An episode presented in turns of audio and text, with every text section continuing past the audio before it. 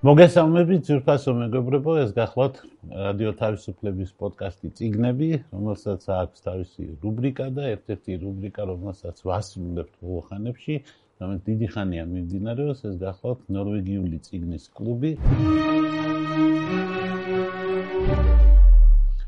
ამ რუბრიკით დღეს განვიხილავთ ძალიან ცნობილი ამერიკელი მწერლის რალფ ოლდო ელისონის ნაწარმოებს, რომელსაც ქვია უჩინარი კაცი ან უხილავი კაცი.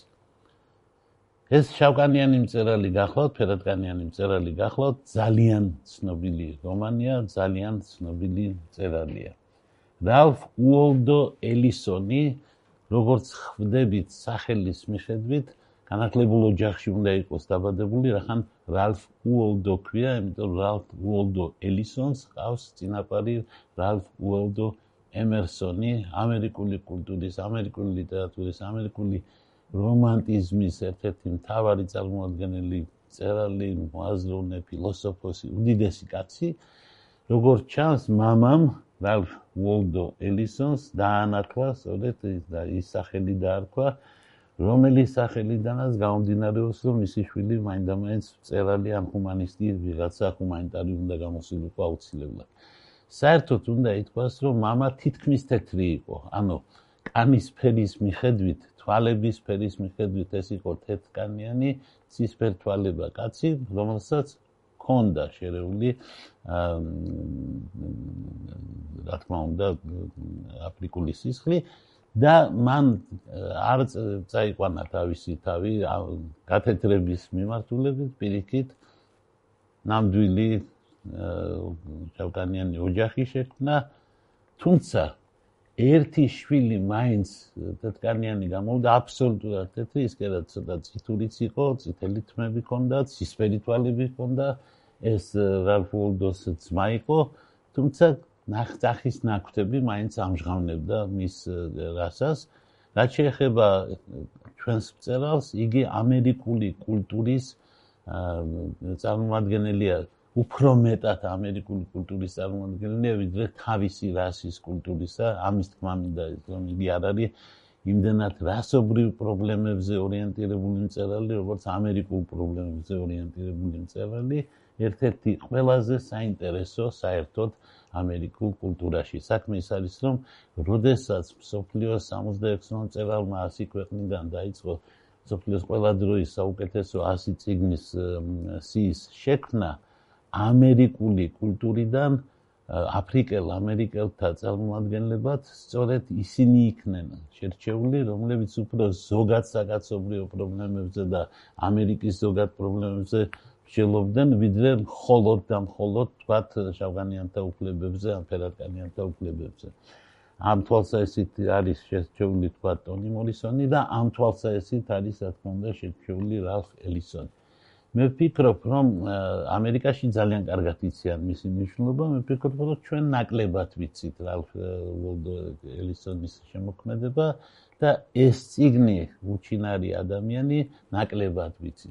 როდესაც კი ვიტყვით უჩინარი ადამიანი, იმ წუთას ყოველას თვალწინ დაუდგება სულ სხვა მწერალი და სულ სხვა მიმართულება, ეს გახლავთ ჰერბერტ უელსი და მისი ცნობილი ფანტასტიკური მიმართულება და მისი ცნობილი უჩინარი კაცი რომელიც ძალიან მნიშვნელოვანი ნაწარმოები გახლავთ, ბუნებრივია ფანტასტიკის სამეცნიერო ფანტასტიკის სფეროში, მაგრამ შეუდარებლად მნიშვნელობა მეტი მნიშვნელობა კუჩინარკას ელისონის შემოქმედებიდან ამ ამ ნაწარმოებს.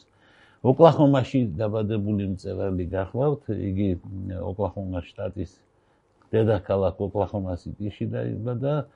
ლუის ალფრედ ელისონის და იდა მილსენის ვაჟი იყო, მამამისი როგორც გითხარით, განათლებული კაცი იყო, სამწუხაროდ ძალიან მალე დაბადებიდან 3 წლის შემდეგ мама დაკარგა, мама მას არ უნახავს, ოჯახს ძალიან გაუჭირდა, დედა არ თაკილობდა არც ერთ სამსახურს, დაწყებული დამლაგებლიდან და გაგზელებული არც უფრო მაღალი მენეჯმენტის სამუშაოებით. მოუწია ძალიან დიდი წვალება, მიუხედავად ამისა, გამიორა კიდევ ერთი მნიშვნელოვანი ფიგურის და ჩვენი სიის ძალიან სერიოზული წერის ალბერ კამიუს ბედი გაიმეორა იმ თვალსაზრისით, რომ მაინც მოხვდა უნივერსიტეტში, მაინც ისწავლა და მაინც შეძლო მასწავლებლების დახმარებით ოჯახის გაჭირვების მიუხედავად სოფლიო მნიშვნელოვანი სოფლიო მნიშვნელობის წერალი გამხდარიყო. ელისონმა ბევრი ისწავლა, მაგრამ არ ეყო ფული სწავლის დავთავრებისთვის, ამიტომ მე კიდან გაემგზავრა ნიუ-იორკში, გაიცნო წერლები, ხატვები, განსაკუთრებით რიჩარდ რაიტი, ჩავკანიანი ცნობილი მწერალი, რომელმაც ხელი შეუწყო, რომ წერალი დამდგარიყო, ძალიან სწრაფად გამოაქვეყნა პირველი ნაწარმოებები 40-იან წლებში ომის დროს იგი ძალიან ბევრს აქვეყნებდა. 41 წელს ცოლი მოიყვანა მეორე. აა მისი მეუღლე გახდა ძალიან ცნობილი ფოტოგრაფი ფენი მაკკონელი და ბოლოს და ბოლოს კრიტიკოსად ამუშავდა და დაწერა თავისი თავი რომანი ადამიანი უჩინარი ადამიანი ან უხილავი ადამიანი ესა invisible man ინგლისურად.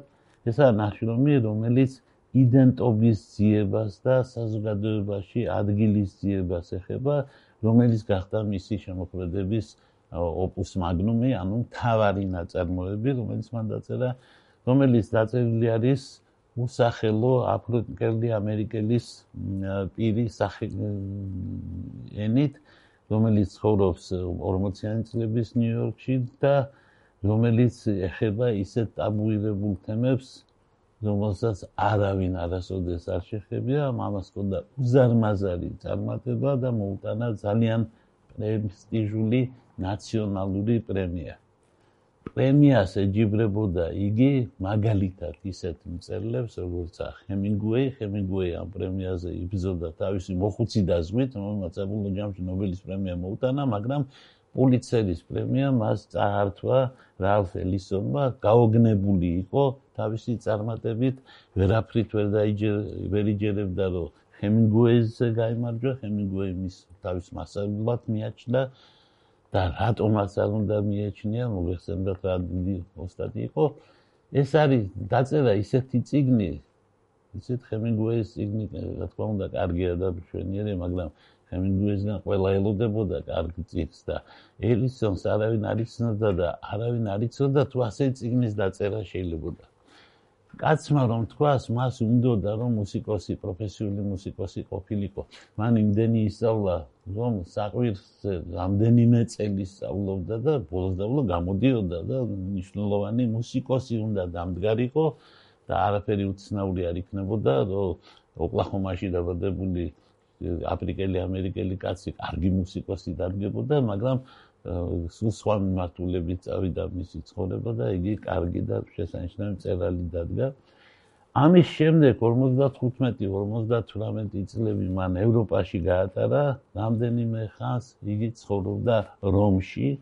შემდეგ დაბრუნდა შეერთებულ შტატებში იმისთვის რომ დაეკავებია ამერიკულ უნივერსიტეტებში მასწავლებლის ადგილი მაგალითად ვარდის კოლეჯში 1964 წელს მუშაობდა იელის უნივერსიტეტში, შემდეგ გამოვიდა მისი ახალი კრებული და საბოლოო ჯამში მისი ბიოლოგია ბიოგრაფოსი ამბობს, რომ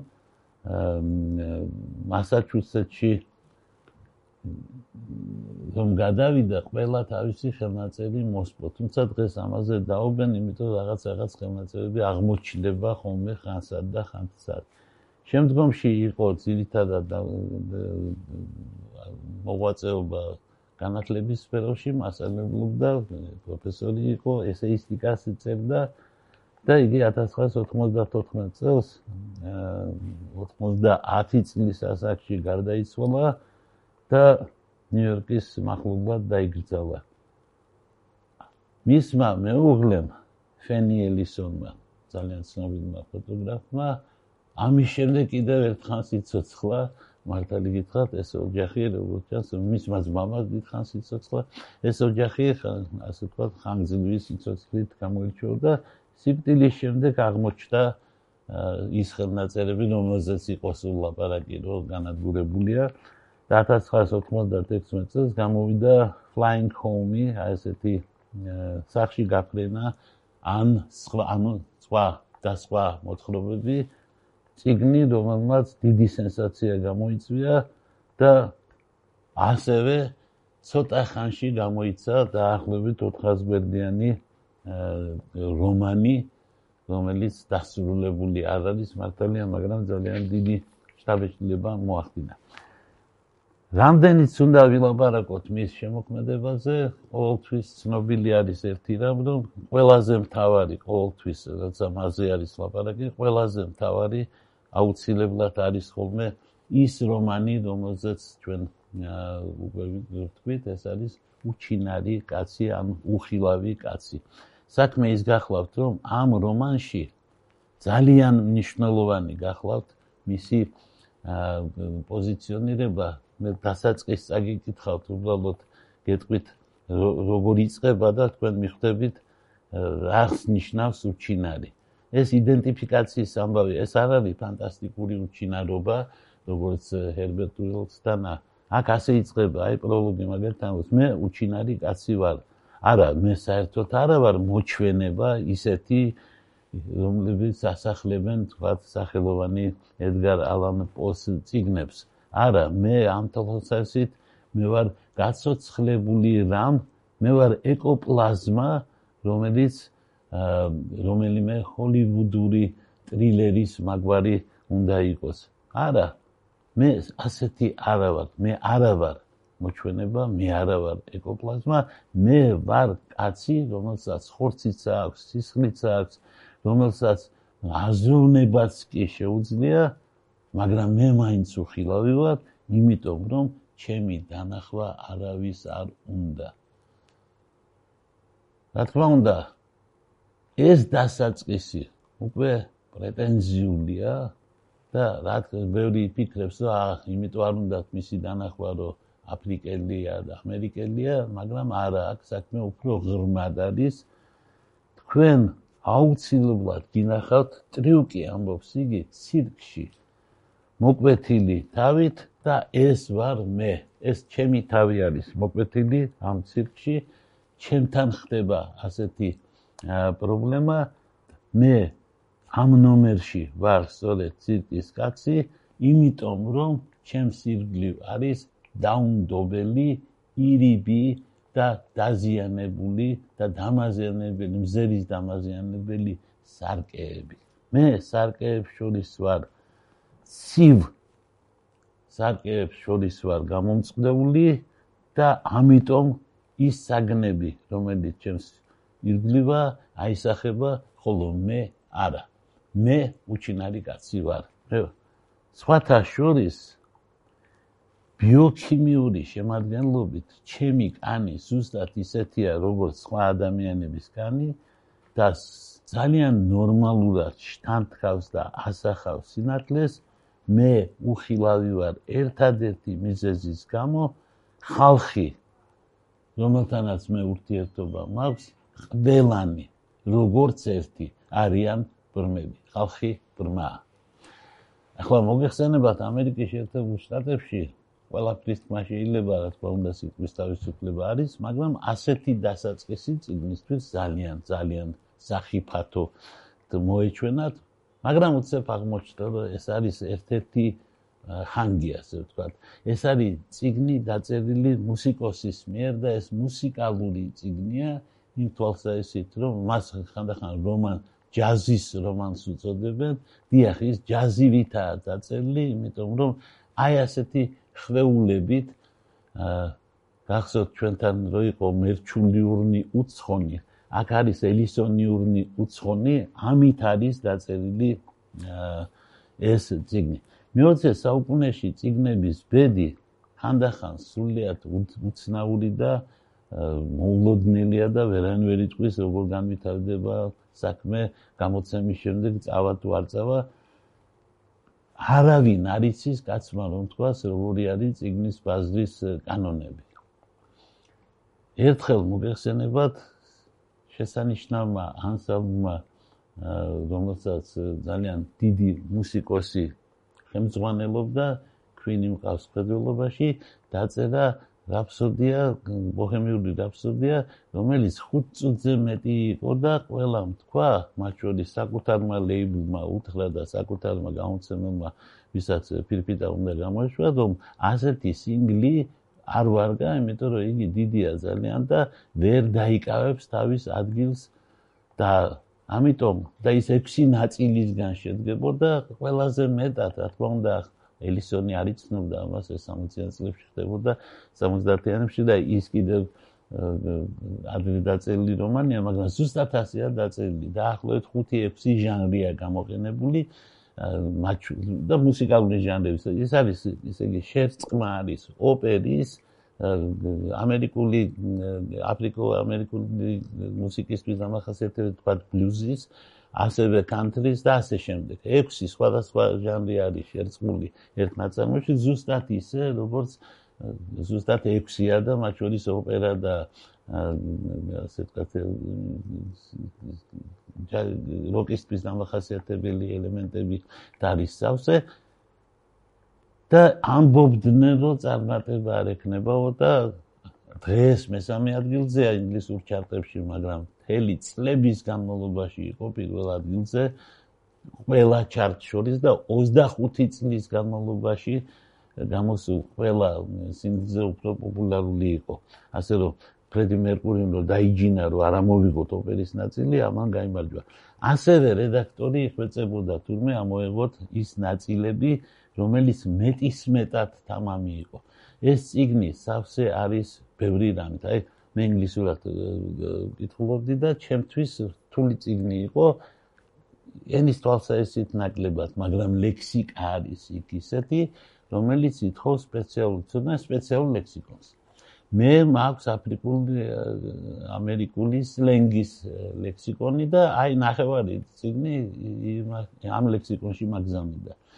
ძალიან აფრიკულ-ამერიკულად არის დაწერილი. ძალიან სასაცილო წიგნია ყველაფერთან ერთად, მიუხედავად იმისა, რომ ტრაგედიითაა სავსე.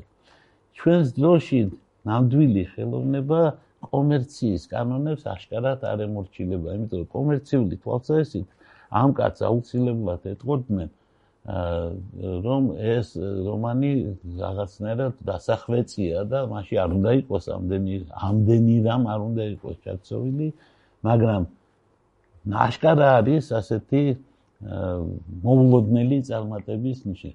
მას მოკლედ არ უნდა ქონოდა წარმატება კრიტიკოსების აზრით. თავდაპირველად ითქვა, რომ ეს ძალიან კარგი ციგნია, მაგრამ მეტის მეტად რთულია, ამას ვინ წაიგითხავს, მას წარმატება არ ექნება და მოულოდნელად აღმოჩნდა, რომ სწორედ ეს აღმოჩნდა წარმატებული. კრიტიკოსებმა დასვეს კითხვა და კი მაგრამ როგორ მოახერხა ელისონმა რომ ასე ერთი ციგნი და ასე სწრაფად გამხდარიყო გენიოსი.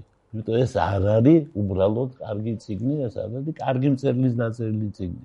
ეს აშკარად გენიალური ციგნია და როგორ აღწევს ამას მწერალი და ძალიან ხშირად როგორ მოხდა რომ აბსოლუტურად უცნობმა დამწყებმა მწერალმა ერთ საათში შექმნა უდიდესი ამერიკული რომანი. ერთ საათში იგულისხმება, რომ გამოცემული იყო ციგნი და იმავე დღეს გაისმა პირველი სიტყვები შეფასებისა უდიდესი, greatest.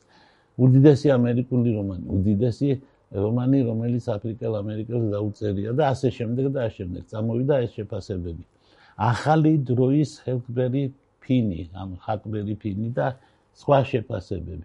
რენდომ ჰაუსმა პირველი ტირაჟი დაბეჭდა ავტორი მაშინ 39 წლის იყო და როგორც კი ტირაჟი გაქრა და იმ წუთას მოუხდათ მისი ადრინდელი ციგნების ხელახლა გამოცემა ვინაიდან ამ ფარვარტერში როცა ციგნი სანამ ეს ამოდენა ციგნი ხელახლა დაიბეჭდა ციგნი ძალიან დიდია რუსულად სხვა ჩვენის თარგმნილი არის მარტო ფრაგმენტები და ფრაგმენტები არის 500 გვერდამდე და ახლა წარმოიდგინეთ ციგნი დიდი ციგნი არის მე სამტომიანი გამოცემა მაქვს მაგრამ ვიცი რომ ერთომეულიც არსებობს მონებული და ეტევა ერთ ციგშიც თუ ძალიან წილი შრიფტით დაიბეჭდება პირველი გამოხმაურებები იყო ასეთი რომ ფეხქვეშ მიწა გვერყევა ხელში საოცრება გვიჭირავს. აი მაგალითად ერთ-ერთმა კრიტიკოსმა ასე დაიწყო პირველი დღეების განმავლობაში აი ტირაჟის 5% არ იყო გაყიდული, როცა ბესტსელერებში მე-10 ადგილზე გავიდა, მაგრამ ძალიან მალე ერთ კვირაში გადავიდა პირველ ადგილას. არ დაგავიწყდეთ ვინ იყვნენ მეტოქეები ამ პერიოდში არის ისე იგი ჰემინგუეის მოხუცი და სხვა ამ პერიოდში არის ისე იგი რამდენიმე ძალიან ძლიერი ნაწარმოები ულცის და სხვებისა, მაგრამ ნუ აშკარად ძალიან სერიოზული აღმოჩნდა. 53 წლის იანვარში მიიღო ნაციონალური პრემია ციგნისთვის ისე იგი როცა მეტოქეთ ყავდა 64-დან აღმოსავლეთით გენიალური ციგნი მოგეხსენება სტეინბეკის, ხემინგუეის მოხუცი და სხვა, მაგრამ ჟიური იყო ურღევი. ჟური თან ერთხმად ადგენს, რომ იმარჯვებს მაინდა-მაინც ეს ციგნი. ეს ამ ციგს, ისე იგი აქვს მისთვის მოტანილი თელი დიდება. არაფერი ამის მსგავსი მას არც მანამდე არც მერე არ დაუწერია როგორც თქვა ბოლოს საერთოდ ეს ესტიკაში გადავიდა. იმიტომ რომ სულ ამბობდა რომ მე ახლა ჩემს სახელს ვერ გავიფუჭებ სხვა რომანით. ესეც აღმოჩნდა homo unius libri ანუ ერთი ციგნის ადამიანი როგორც ხარპერლი მართალია ხარპერლის ბოლოს ხარპერლის ბოლოს შეაცნინეს და მეორე ციგნი გამოაცემინეს რომელიც ცუდი კი არ არის მიდი დააყენე დარაჯი არ არის ცუდი ციგნი მაგრამ რა თქმა უნდა რა თქმა უნდა ნუ მოკლავ ჯაფარას შემდეგ ის არ უნდა გამოიქვეყნებინა ეს მანამდე დაწერილი ციგნი იყო. ხოლო რალფელისონს ეყო ნებისყოფაც გონიერებას და სხვა რომ არ გამოსცადა ბედი არ სადა ბედი და არ არ გამოსცა ასე თქვათ სხვა ციგნი არ დაწერა სხვა ციგნით თუმცა როგორც მე გაირკვა ყო დაწერილიც ხონია და ახლა ყველაფერი გამოიცა. ცოტა ორი ციგნი მაინც გამოიცა მის სიკვდილის შემდეგ ორი დიდი ციგნი გამოიცა მაგრამ ვერაფრით ვერ შეედარა ვერ შეეჯიბრა იმას ხანდახან იმასაც კი ამბობენ როგორ მოხდა ასეთი ამბავი ის როგორ დაწერა და ეს როგორ დაწერა ქართულ ლიტერატურაში ყავს მწერალი რომელიც ერთი ციგნი სხვა ციგნებისგან იმდენად განსხვავდება რომ პირველი ციგნის ავტორობაში შეიტანეს ეჭვით, თუმცა სულიად სულ ტყუილად. სწორედ სხვა ციგნებმა დაადასტურეს ჯაბუ ამირიჯიბი მყავს ხეზულობაში, ბორა მორგალმა აშკარა დაადასტურა, რომ დათა თუთაშკია ნამდვილად ჯაბუ ამირიჯიბის დაწერილია, იმიტომ რომ თუ ვინმე საინტერესებს კომპიუტერული პროგრამა არსებობს, აგერ ილიას უნივერსიტეტში დანერგილიცაა და ჩვენ მასწავლებლები ვიღებთ ყოველთვის ადმინისტრაციისგან შეიძლება შეჩნევას შენიშნებს ბავშვებზე, რომ ამ ნაწილში ამდენი პროცენტია პლაგიატი და ამდენი პროცენტი და ჯაბუ ამირეჯიბი რო შევამოწმეთ მათ პროგრამით, გაიგო რომ ჯაბუ ამირეჯიბის ყველა ციგნი დათა თუთაშია და სხვები ერთმანეთის პლაგიატები არიან. ამ ერთი ერთი ავტორი დაწერილია სულ ყველა, ყველაფერი, რაც რასაც აწერია ეს ბრენდი ჯაბუ ამირეჯიბი, ყველაფერი ნამდვილად მისი დაწერილია. რატომ გაჩნდა ეს აზრები ძალიან კარგადაა გასაგები, როცა ადამიანს იცნობ და როცა მისი შემოქმედება იცი, უცებ წერს ძალიან ძლიერ რომანს და არავის არ უნდა ამის დაჯერება. რალფ ელისონთან ზუსტად ასეთი ამბავი იყო, არავის არ უნდა დაეჯერებინა, რომ ახალგაზრდა კაცმა აიღო და დაწერა ასეთ ნაწარმოები, ისე რომ მანამდე არაფერი არ ჰქონდა. ეს ყველაფერი მე მაგონებს ჩვენი სახელმწიფოს ერთ ფრაზას, თავის ძროზე ნათქვამს საქართველოსში, რომ არ შეიძლება შუშანიკის წამება იყოს ჩვენი ლიტერატურის პირველი ძეგლი, იმიტომ რომ იგი კარგია. ამ ლოგიკით არ უნდა ყოფილიყო კარგი ციგნი, რა თქმა უნდა, უჩინარი კაცი, მაგრამ ამ ლოგიკით ჰომეროსი უნდა ყოფილიყო პატარა პოეტი, იმიტომ რომ პირველი იყო. ეს რა ლოგიკა, მე არ ვიცი, ახლა მე არ ვიტყვი გვარს და იმ სახელმწიფოს, რომ ჩემ ბავშვობაში არსებობდა, ახლა იმედი მაქვს ასეთი სახელმწიფოებით არავინ არაფერს არ სწავლობს. ძალიან მნიშვნელოვანი მგონია რალფ ელისონის ერთი ძალიან სერიოზული ამბავი. უცნაური ბედი ქონდა ამ ძილს აა განსაკუთრებით უცხოეთში. ამერიკული ლიტერატურის ერთ-ერთი მთავარი ციგნი რატომღაც არსად არ გავიდა. როგორ გახდა იგი მსოფლიო მწერლების საყვარელი ციგნი? ჩემთვის ცოტა გაუგებარიც კი არის. თუ კი წლების მანძილზე თავს იკავებდნენ მისი თარგმანისაგან ფრანგებიც, გერმანელებიც, ახლა ინგლისელებს ბუნებრივია ისე ჰქონდათ, მაგრამ არ გამოსცეს თავისთან ყოველ შემთხვევაში. რალფ ელისონი არათ იყო დარწმუნებული, რომ სახელი განსაზღვრავს ციგნის ბედს. როცა არქმევდა ციგს Invisible Man-ს, მან იცოდა, ამ სახელს უნდა განესაზღვრა მისი ბედი. მაგრამ სწორედ ამიტომ მაგალითად რუსეთში ყველაზე უფრო ცხადად ასე ახდა და ციგნი გახდა ციგნი უჩინარი ციგნი უჩინარი კაცი გახდა უჩინარი ციგნი სხვა შორის უნდა თქვა მის ხვედზე და ბედზე ჩვენთან ჩვენს ჩვენს ლიტერატურაშიც. არ გვაქვს ჯერ ეს ციგნი შეიძლება მიდის მასზე მუშაობა. მე ძალიან მიხარია ხოლმე რომ ჩემი გადაცემი ჩვენი გადაცემების შემდეგ ხანდახან მოდის ინფორმაცია რომ ეს ციგნი გამოიცემა ეს უკვე გამოცემულიცა და არ უნახავს ვიღაცას. ან ბაზარზე არა ჯერ გასული და სხვა. ეს ბედნიერება რა თქმა უნდა როდესაც ჩვენ მიყვებთ მე დარწმუნებული ვარ ჩვენს გამოცემლებს უნდა ესმოდეთ ეს ამოცანა. მათ თვალწინ უნდა იდოს აუცილებლად ნორვეგიული ციგნის კლუბის სია და ამ სიას ჭირდება ამოწურვა. ეს აუცილებელი ამბავი არის ჩემი აზრით, იმიტომ რომ ძალიან ხშირ შემთხვევაში ეს ასეთი ტიპის ციგნები განსაზღვრავენ კიდევაც მკითხველთა დამოკიდებულებას.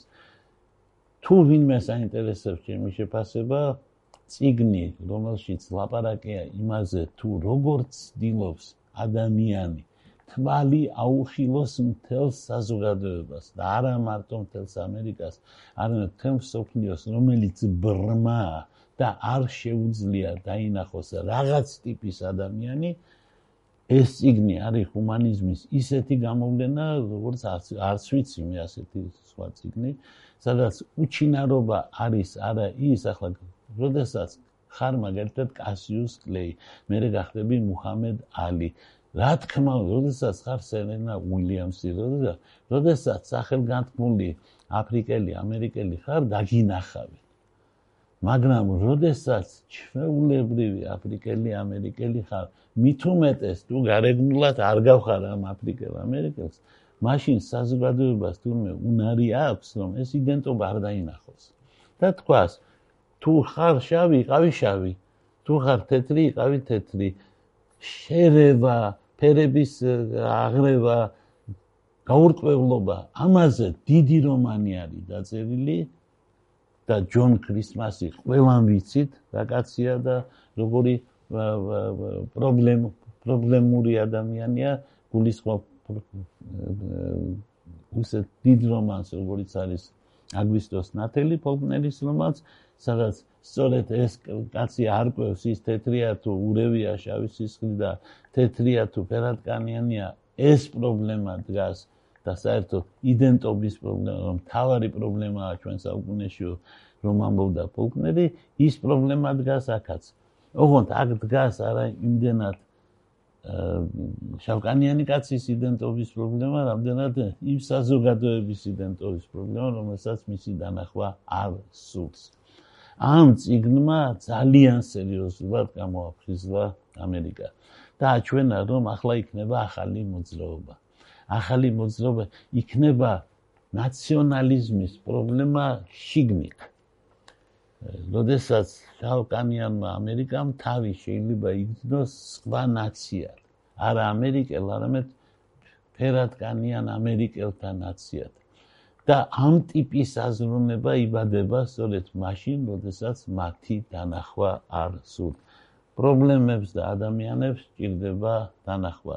ეს არის დაუვიწყარი იდეა ამ ციგნიდან. ერთ-ერთ სტატიაში, რომელიც ელისონმა მე შემდგომში დაწერა, რომელსაც ქვია ოქროს საუკუნე გასული დროება, ნათქვამი არის ასეთი სიტყვები. იყო დრო, როცა მე არავინ ვიყავი და ვიყავი უხილავი. მე დავწერე უხილავი ადამიანი და მე დამინახეს, მაგრამ უხილავი ადამიანი ჩემს ციკში კვლავ უხილავი რჩება. იმედი მაქვს, რომ ამერიკას, ჩვენს სოფლიოც არასოდეს აღარ დავტოვებთ ამ ლაქებს, სამთერთ ლაქებს და ამოვავსებთ ჩვენი ცოდნით და ჰუმანიზმით, თუ ოდესმე ჰუმანიზმი საყოველთაოდ გამარჯვებს, ჩვენ ამ წიგნს კიდევ ერთხელ ამოვიცნობ და წავიკითხავთ და უპირველეს ყოვლისა ამას იმითაც გავაკეთებთ, რომ მშობლიური ენაზე გვექნება დიდი მადლობა ყურადღებისთვის.